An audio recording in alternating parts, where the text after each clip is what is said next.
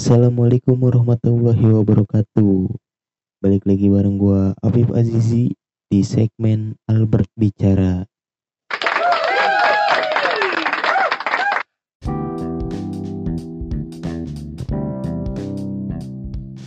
Melatih logika berbicara. Pada zaman persaingan seperti ini, berbicara logis bisa menjadi keunggulan tersendiri. Akan tetapi hal itu tidak akan terbentuk dalam waktu satu malam. Perlu latihan rutin dan membiasakan diri untuk memperhatikan ucapan diri sendiri. Ada lima hal untuk berbicara logis. Dengan melakukan lima hal berikut, anda dapat merasakan bahwa ucapan Anda dipenuhi oleh logika yang kokoh. 1. Berikan alasan yang tepat untuk argumen Anda. Kita selalu diajarkan untuk mengutarakan alasan di balik pendapat kita saat menulis esai. Begitu pula dengan ucapan. Dalam percakapan sehari-hari, kita mungkin sering melupakannya Hal ini karena kita tidak terbiasa menerapkan pola pikir logis dalam kegiatan sehari-hari. Perbedaan antara pendapat yang beralasan dan yang tidak beralasan bagaikan bumi dan langit. Kita ambil contoh. Seorang mahasiswa yang ingin jalan-jalan ke Eropa dan meminta izin kepada orang tuanya. Jika ia hanya mengulang-ulang pendapatnya, maka akan sulit untuk menggerakkan hati orang tuanya. Lain halnya ketika ia bisa menyampaikan alasannya. Izinkan aku untuk pergi backpacking ke Eropa satu bulan saya. Itulah pendapatnya. Apalagi di era global seperti ini, penting untuk memperluas pengetahuan dan nanti pun saat melamar kerja bisa dimasukkan sebagai salah satu pengalaman atau alasan. Jika sudah begini, orang tua mana yang akan melarang anaknya jalan-jalan ke Eropa, terutama di dunia kerja?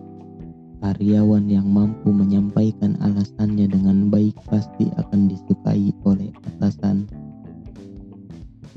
2. Hindari lompatan logika dan melebih-lebihkan.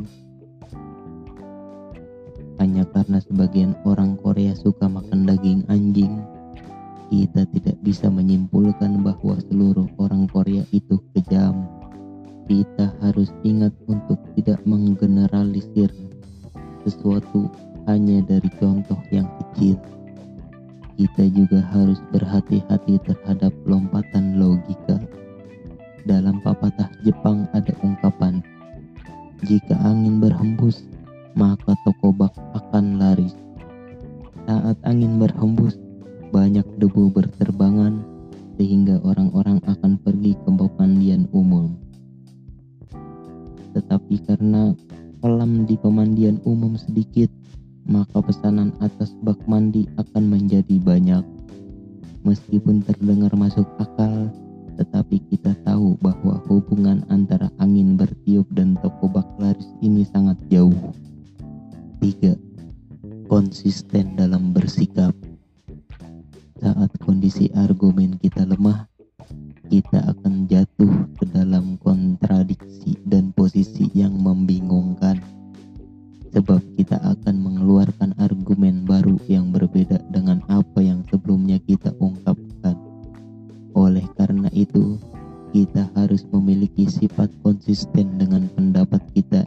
awal hingga akhir.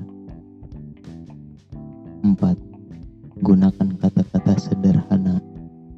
Ada orang yang suka menggunakan bahasa Inggris, karakter Mandarin, dan istilah-istilah tinggi yang hanya diketahui dirinya sendiri, seolah-olah ia yang paling tahu segalanya. Alih-alih membantu dalam penyampaian pendapat, hal ini justru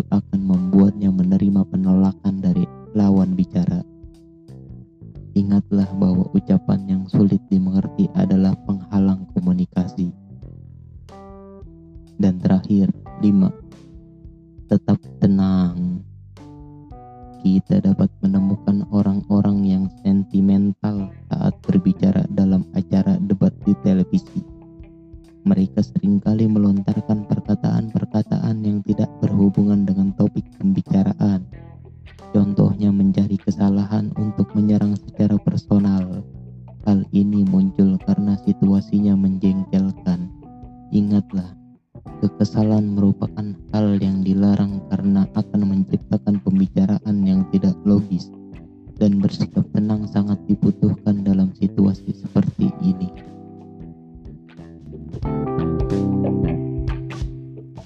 Terima kasih semuanya yang sudah mendengarkan. Afif Azizi pamit, sampai bertemu di episode berikutnya.